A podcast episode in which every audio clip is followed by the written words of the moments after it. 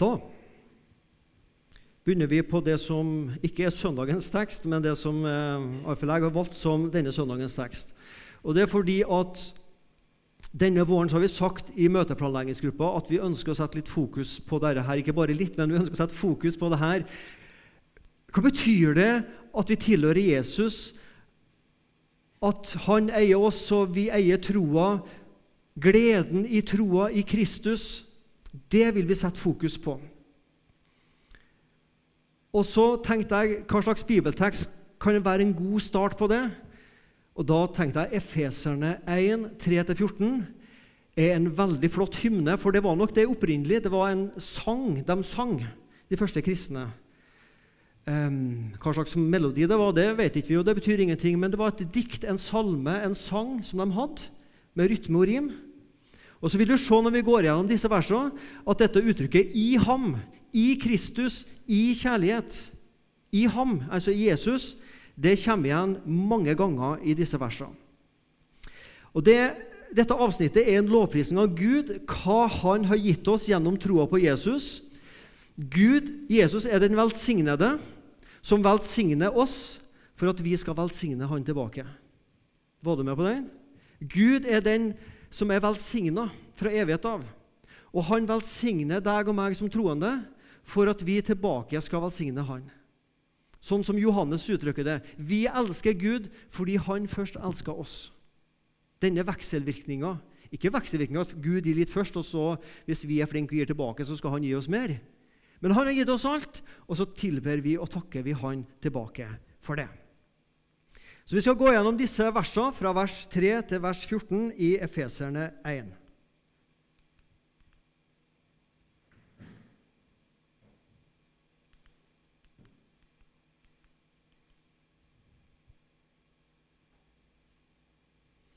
Vers 3. Lovet være Gud, vår Herre Jesu Kristi Far, Han som i Kristus har velsignet oss med all åndens velsignelse i himmelen.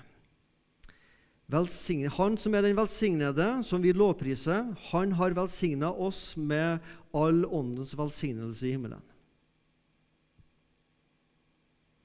Er du klar over hva du har fått? Du har fått all åndens velsignelse, står det her. Hm, ja.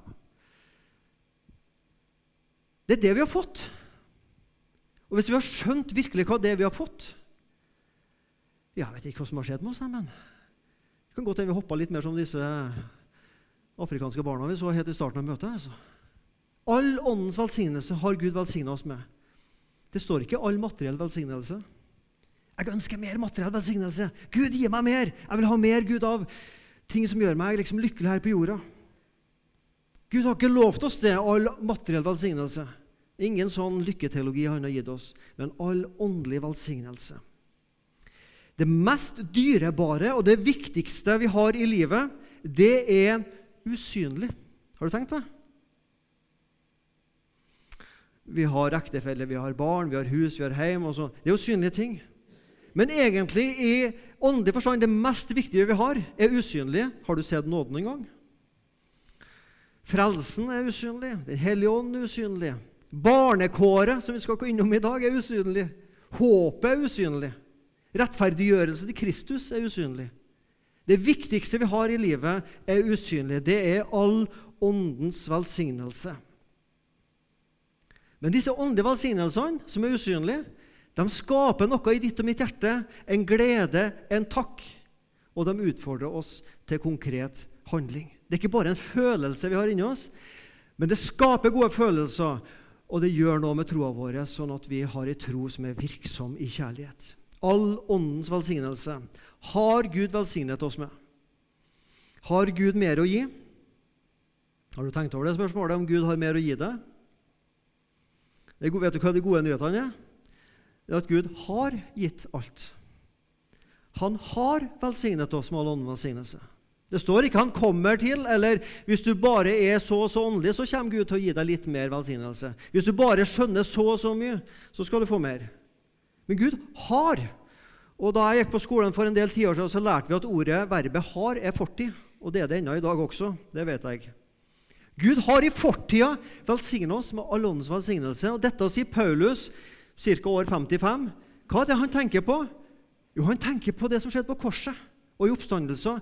I og med at Jesus døde for våre synder og sto opp igjen, så har Gud velsigna oss med all åndens velsignelse. Det er fortid. Fortid. Gud har gjort det. Alt er ferdig. For å bruke et bilde strømmen er lagt inn. Det er bare å skru på bryteren. Huset har Gud bygd. Det er bare å flytte inn. Det er ferdigmøblert. Ta det i bruk. All åndens velsignelse. Og Så står dette begrepet 'i himmelen'. Han har velsignet oss med all åndens velsignelse i himmelen. Det kan vi forstå på to måter. Enten at det ligger der ferdig i himmelen og liksom venter på oss. Eller kan det bety at Gud har den velsignelsen som er i himmelen, har han gitt oss allerede her på jord? Og begge tingene er egentlig sant. Begge tingene stemmer. Også her på jorda har Gud gitt oss sin åndelige velsignelse, men samtidig så fristes vi til å ta himmelen på forskudd. Gud lar oss prøvesmake, men vi får ikke oppleve alt her og, noe, her og nå. Og Peter snakker om det en annen plass, at arven er gjemt for oss i himmelen. Gud tar vare på den, sånn at vi ikke skal søle bort alt her og nå. Og takk og lov for det. Og Så bruker Paulus da resten, vers 4-14, og forklarer hva disse åndens velsignelser er for noe. Vers 4. I Kristus her møter vi det igjen, i ham, i Kristus, har Gud utvalgt oss før verden ble skapt, så vi skulle stå hellige og feilfrie for Hans ansikt. I dette avsnittet så møter vi følgende begreper. Utvalgt oss, vi som er forutbestemt, vi som på forhånd var bestemt til det. Og Det der er litt vanskelig. Og Det er i hvert fall vanskelig å være veldig kortfatta og prøve å gi en, et godt svar på det. Men er det sånn at Gud i himmelen sitter og peker på at du skal få være med, og du skal få være med? Deg velger jeg.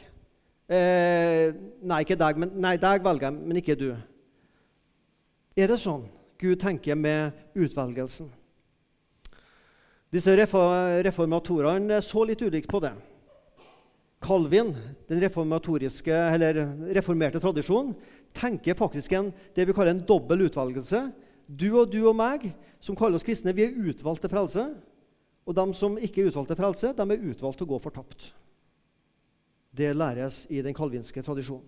Mens Luther tenker litt annerledes. Vi er utvalgt i Kristus. Poenget er ikke at du og jeg er utvalgt, men vi er utvalgt i Kristus. Det er ikke mennesket, men det er måten. Det er måten Gud velger. Han velger i Kristus. Det var det Luther la vekt på. Og Så har du andre som tenker helt annerledes, som vi kaller universalisme. Det er at utvelgelse Ja, Gud velger alle til himmelen. Det er ingen som kommer til å gå fortapt. Alle kommer til uansett til slutt til himmelen, uansett om man ikke har trodd på Jesus her på jord. Der har du veldig ulike forståelser. Poenget som jeg kan se det, er at Gud valgte at vi skulle frelses i Kristus. Gud valgte måten, og ikke mennesket. For jeg er sånn, i alle fall jeg er noe sånn, at jeg er veldig sjølsentrert.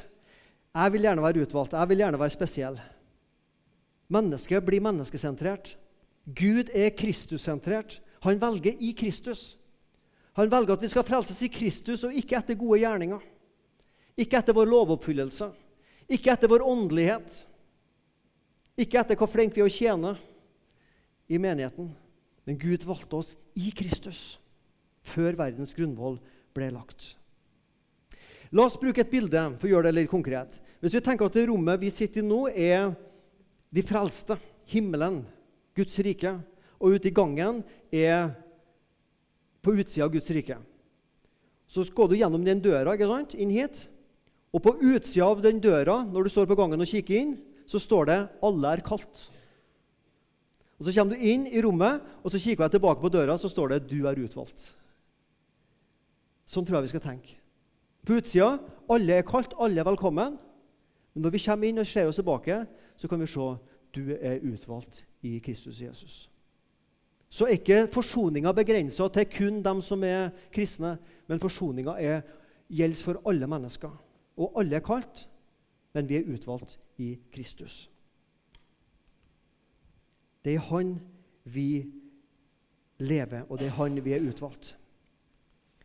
Og så står det et begrep der at Så vi skulle være hellige og feilfrie for hans ansikt. Hvis du kikker på deg sjøl, vil du si om deg sjøl at du ser hellig og feilfri ut? Paulus bruker noen begreper både i Efeserbrevet, Kolossebrevet og, og, og Filipperne. Han snakker om at vi er hellige, vi er feilfrie, ulastelige, uangripelige, uten flekk og uh, lyte. I noen oversettelser står det 'uten flekk og rynke'. liksom. Ja. Så kan jeg holde opp speilet og se på meg sjøl. De blir litt lengre og større og dypere i rynkene for åra som går. ikke sant? Du gråner med åra, og du, du, du, kjenner deg sjøl, og jeg kjenner meg sjøl så godt. Jeg er ikke feilfri. Jeg er ikke hellig i meg sjøl. Jeg er ikke ulastelig, jeg er ikke uangripelig. Jeg har flekker, og jeg har lyte. Hva, hva er det Paulus ute etter? Så vi skulle stå hellige og feilfrie for Hans ansikt. Når Gud ser på meg, så ser du altså dette her. Er det mulig? Har du tenkt det? Det handler om hvordan vi ser på oss sjøl. Et av de bibelversene jeg er mest glad i, er dette Vi er skjult med Kristus i Gud. Når Gud ser meg, så ser han meg skjult i Kristus. Og Jesus er hellig. Han er feilfri, han er uavlastelig, han er uangripelig, han er uten flekk og lyte. Og jeg er i Kristus Jesus. Og da kan jeg si det om meg. Når Gud ser meg, så ser han meg sånn. Ikke i meg sjøl, ikke i mitt eget hjerte. Der er det tvert om det motsatte. Men i Kristus så er dette mitt, som en ny skapning, hva jeg eier i troa på Jesus.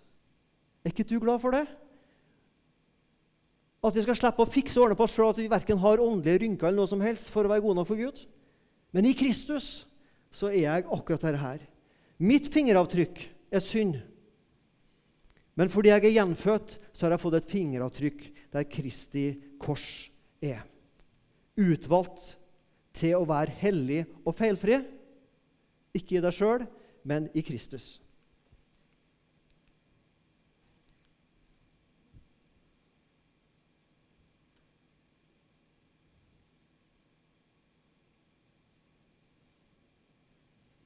Litt problem i dag med trykkeren.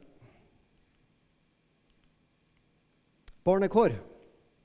I kjærlighet, eller i Kristus, i ham, har han av sin egen frie vilje forutbestemt oss til å få barnekår hos seg ved Kristus Jesus. Til pris og ære for Hans herlighet og for den nåde han gav sin elskede sønn.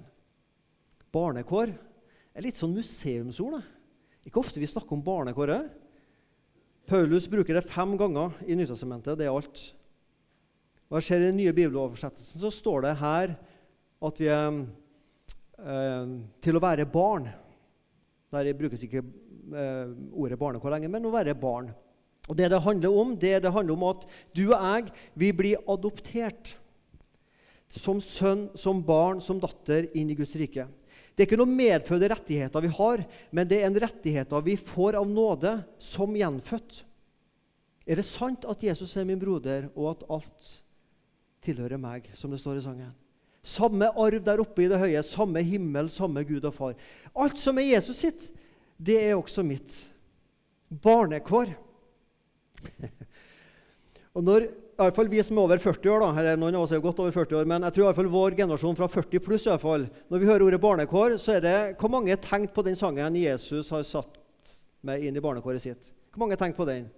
Ja, det var en del som tenkte på den sangen når du til og med under 40 år når, du, når du hørte det ordet barnekår. Det er liksom da vi synger den. Det er ikke en barnesang som vi kanskje bruker så mye nå lenger.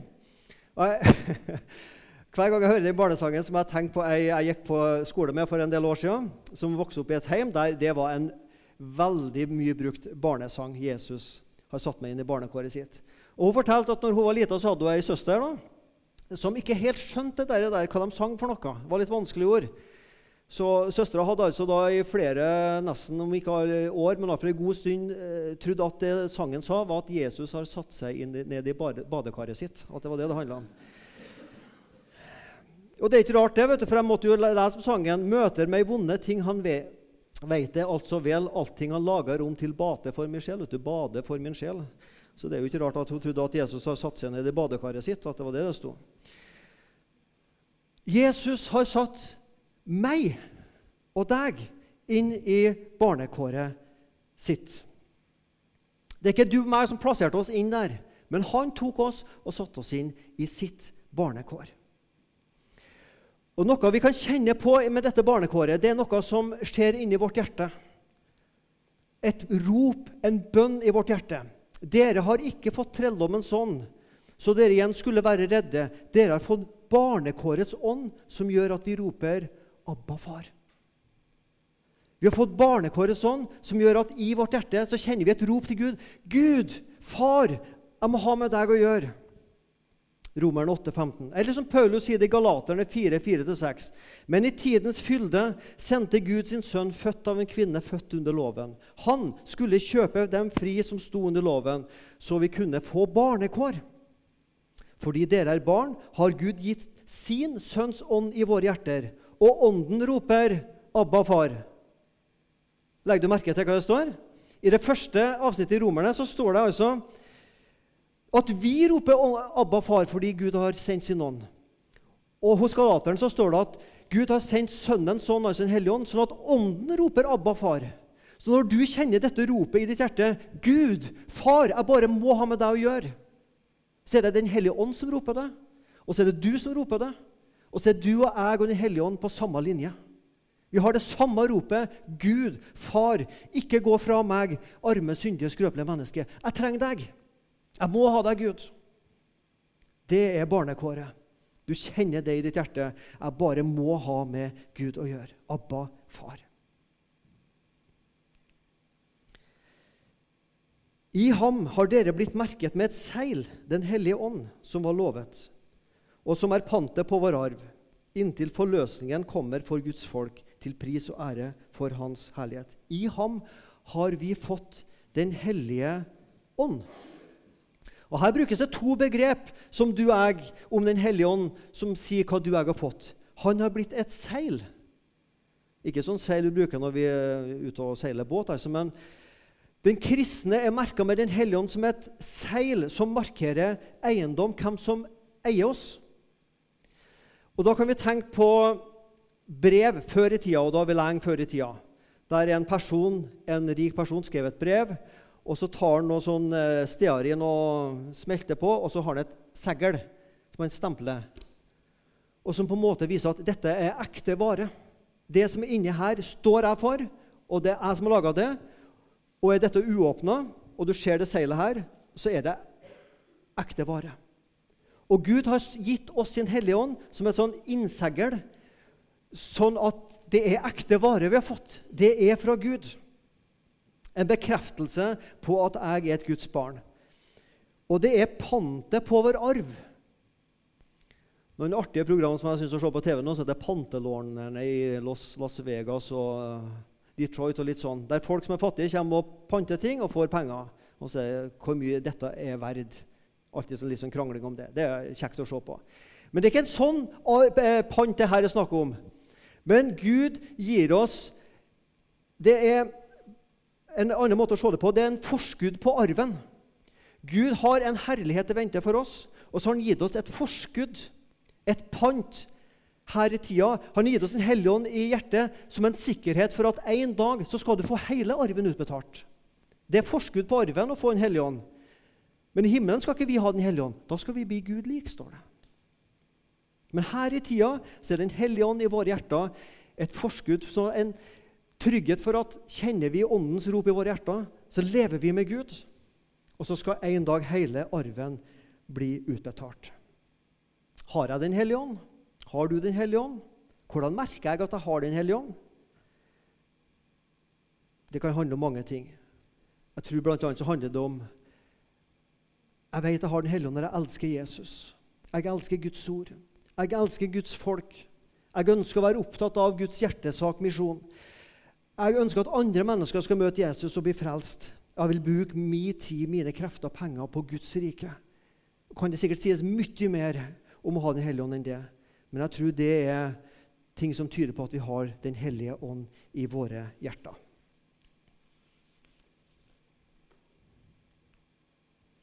Og så dette flotte begrepet frihet. Til frihet. I ham, i Jesus, har vi forløsningen som ble vunnet ved hans blod, tilgivelse for syndene. Så stor og rik er Hans nåde, som Han i rikt mål har latt oss få. Slik gav Han oss all visdom og innsikt, da Han kunngjorde oss sin viljes hemmelighet, den beslutning, frie beslutning Han hadde fattet om å fullføre sin frelsesplan når tiden var inne. Og Det var den da Jesus døde på korset. Og sammenfatte alt i Kristus, alt i himmel og på jord. Her har jeg streka under disse begrepene forløsning, tilgivelse fra syndene, Guds nåde og all visdom og innsikt.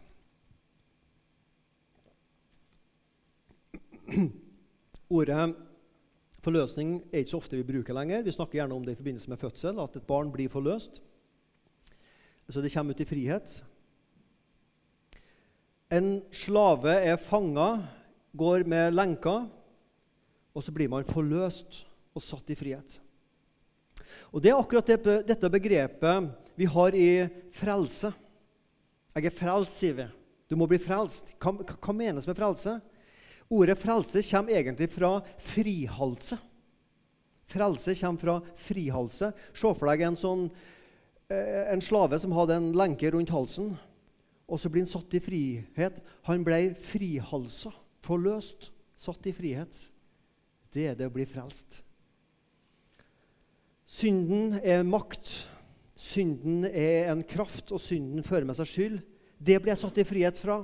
Dødens makt, djevelens makt og lovens krav blir jeg også satt i frihet fra.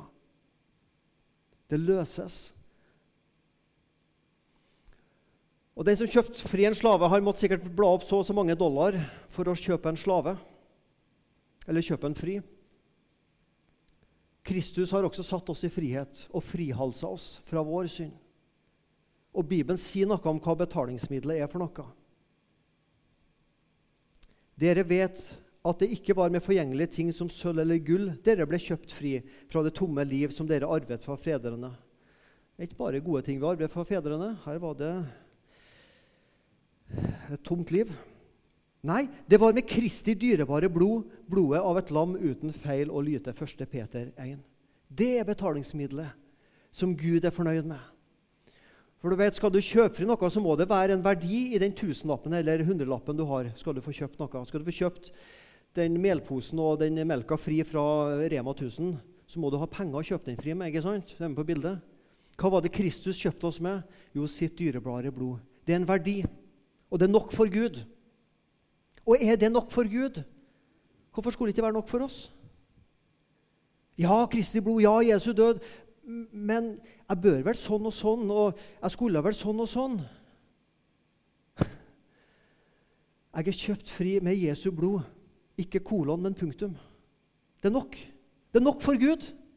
Da bør det jammen meg være nok for deg og meg. Tilgivelse fra syndene.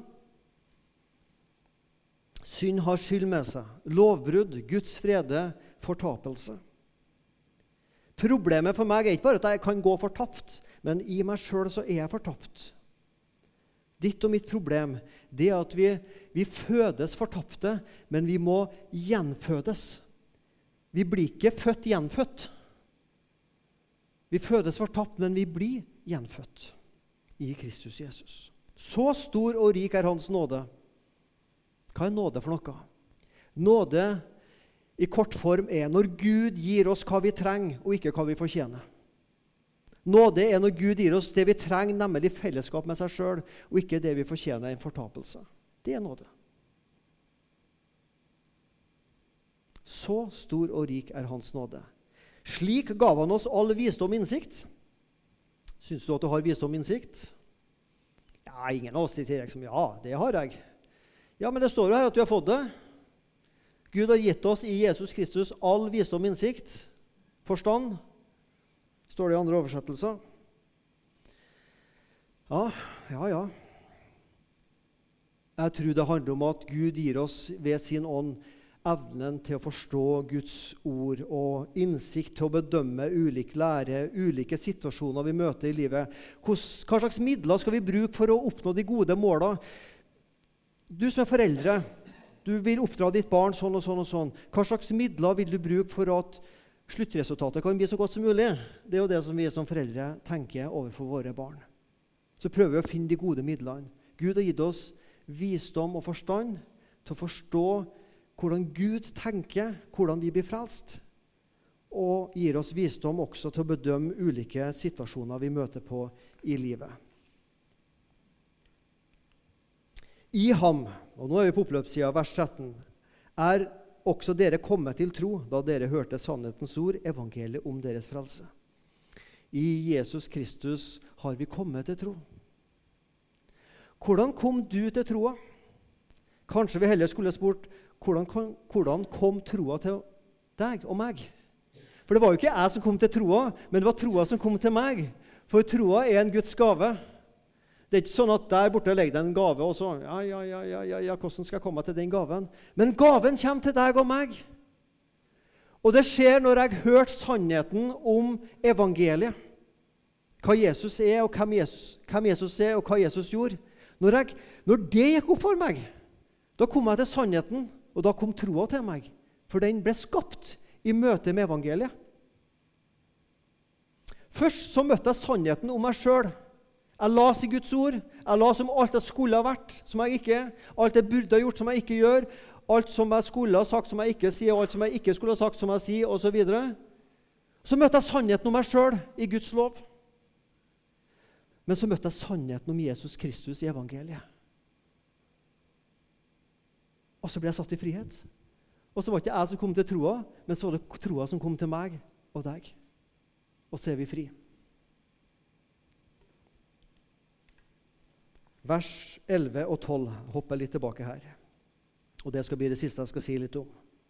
I ham har vi fått del i arven, vi som på forhånd var bestemt til det etter Guds forsett. Han som gjennomfører alle ting etter sin plan og vilje. Slik skulle vi være til pris og ære for Hans herlighet, vi som nå, alt nå har satt vårt håp til Kristus. Og her ser du her har satt strek under disse to ordene arv og håp. I ham har du og jeg en arv, og i ham har du og jeg et håp. I Jesus har vi ei framtid. Og vi nærmer oss den framtida dag for dag. For to dager siden jeg var jeg med i ei begravelse til ei som hadde blitt 100 år nå i sommer. Bestemor til kona mi. Hun har levd i dette hele livet. Da kom framtida når hun lukka sine øyne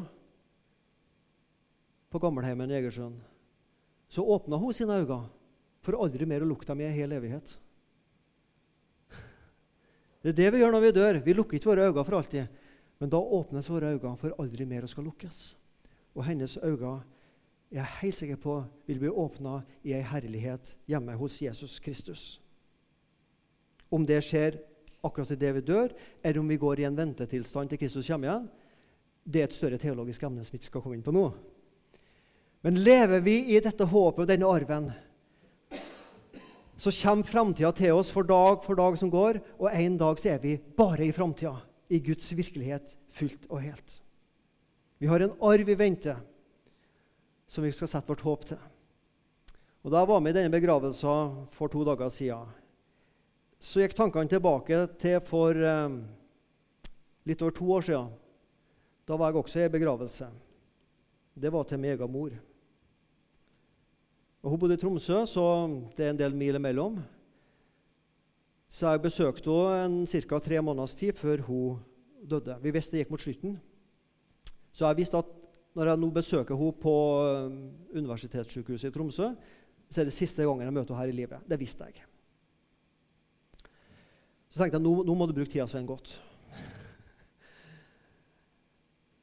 Så jeg fikk ei stund alene med mamma. Og mamma har bekjent seg som kristen noen år. Og Jeg starta med Jeg skal ikke ta dere med gjennom hele samtalen, selvfølgelig skal jeg ikke det, men jeg starta med å sitte i Salme 62, som var hennes bibelvers. Bare i håp til Gud er min sjel stille. Det var det eh, bibelverset hun valgte da hun ble frelsesarmésoldat noen år tidligere. Så snakka vi sammen. Så tenkte jeg, jeg jeg må på en eller annen måte få sagt noe om håpet, om arven som venter. Da leter du litt etter bibelord, men du leter kanskje også etter et sangvers. For Et sangvers er noe av det siste som går ut av hodet og hjertet på oss. Og Så lander jeg i Trygve Bjerkreim sin sang 'Han tek ikke glansen av livet'. Og så dette verset 'Han fører deg frelst over fjorden'. Heilt heim til det himmelske land, når døden sin brottsjø du møter, vil Jesus dra båten i land. Så visste jeg at nå er mamma Det er rett før båten hun legger ut fra Norge, fra 2014. Og så skal båten inn i evigheta. Han fører deg frelst over fjorden, helt hjem til det himmelske land. Når døden sin brottsjø du møter, vil Jesus dra båten i land. Så sa jeg noe mamma nå Nå er det kanskje din tur snart. Nå Nå er det din tur snart at båten skal dras i land. Men hun eide et håp. Hun hadde at Kristus ville ta imot henne, og der fikk hun del i arven. Og Jeg må tenke med meg sjøl, både da mor mi døde, og når eh, hun på 99 år døde Å få dø i troa på Jesus. Tenk om å dø uten håp. Vi sørger, men vi sørger ikke som dem som ikke har håp. Vi sørger med håp. Dette har vi i Kristus Jesus. Vi har ikke bare et meningsfylt liv her på jorda i 70-80, i beste fall 90 år. Vi har en evighet i vente, folkens. Og det er ditt. Det er mitt. Det er all åndens velsignelse i Kristus Jesus. I Kristus Jesus har vi all åndens velsignelse. Å være kalt og utvalgt, å ha barnekår hos Gud, og ha fått Den hellige ånd som forskudd på arven, ha fått frihet, det å være forløst fra det som binder oss, har fått syndenes tilgivelse, har all visdom og innsikt, og har kommet til tro og ha et evig håp og en arv i vente. Folkens, hvorfor akker vi så mye? Folkens, la oss takke og tilbe Jesus. Han den velsignede har velsigna oss med dette her. Da er det jammen meg grunn til å velsigne han tilbake. Kjære Jesus, takk for all åndens velsignelse du har gitt meg. Du forteller meg at jeg er så blind at jeg av og til ikke ser det, og ikke, uh, tankene flyr helt andre plasser Jesus, enn det du har gitt meg i deg sjøl. Men Jesus, dette vil jeg glede meg dette vil jeg, Her vil jeg være, her vil jeg bo, her vil jeg leve mitt liv. Og dette er mitt håp. Og En dag Jesus, så kommer min situasjon også som at båten skal dras i land. Herre Jesus, takk for at jeg har håpet og arven i vente, og det er reelt her og nå. Amen.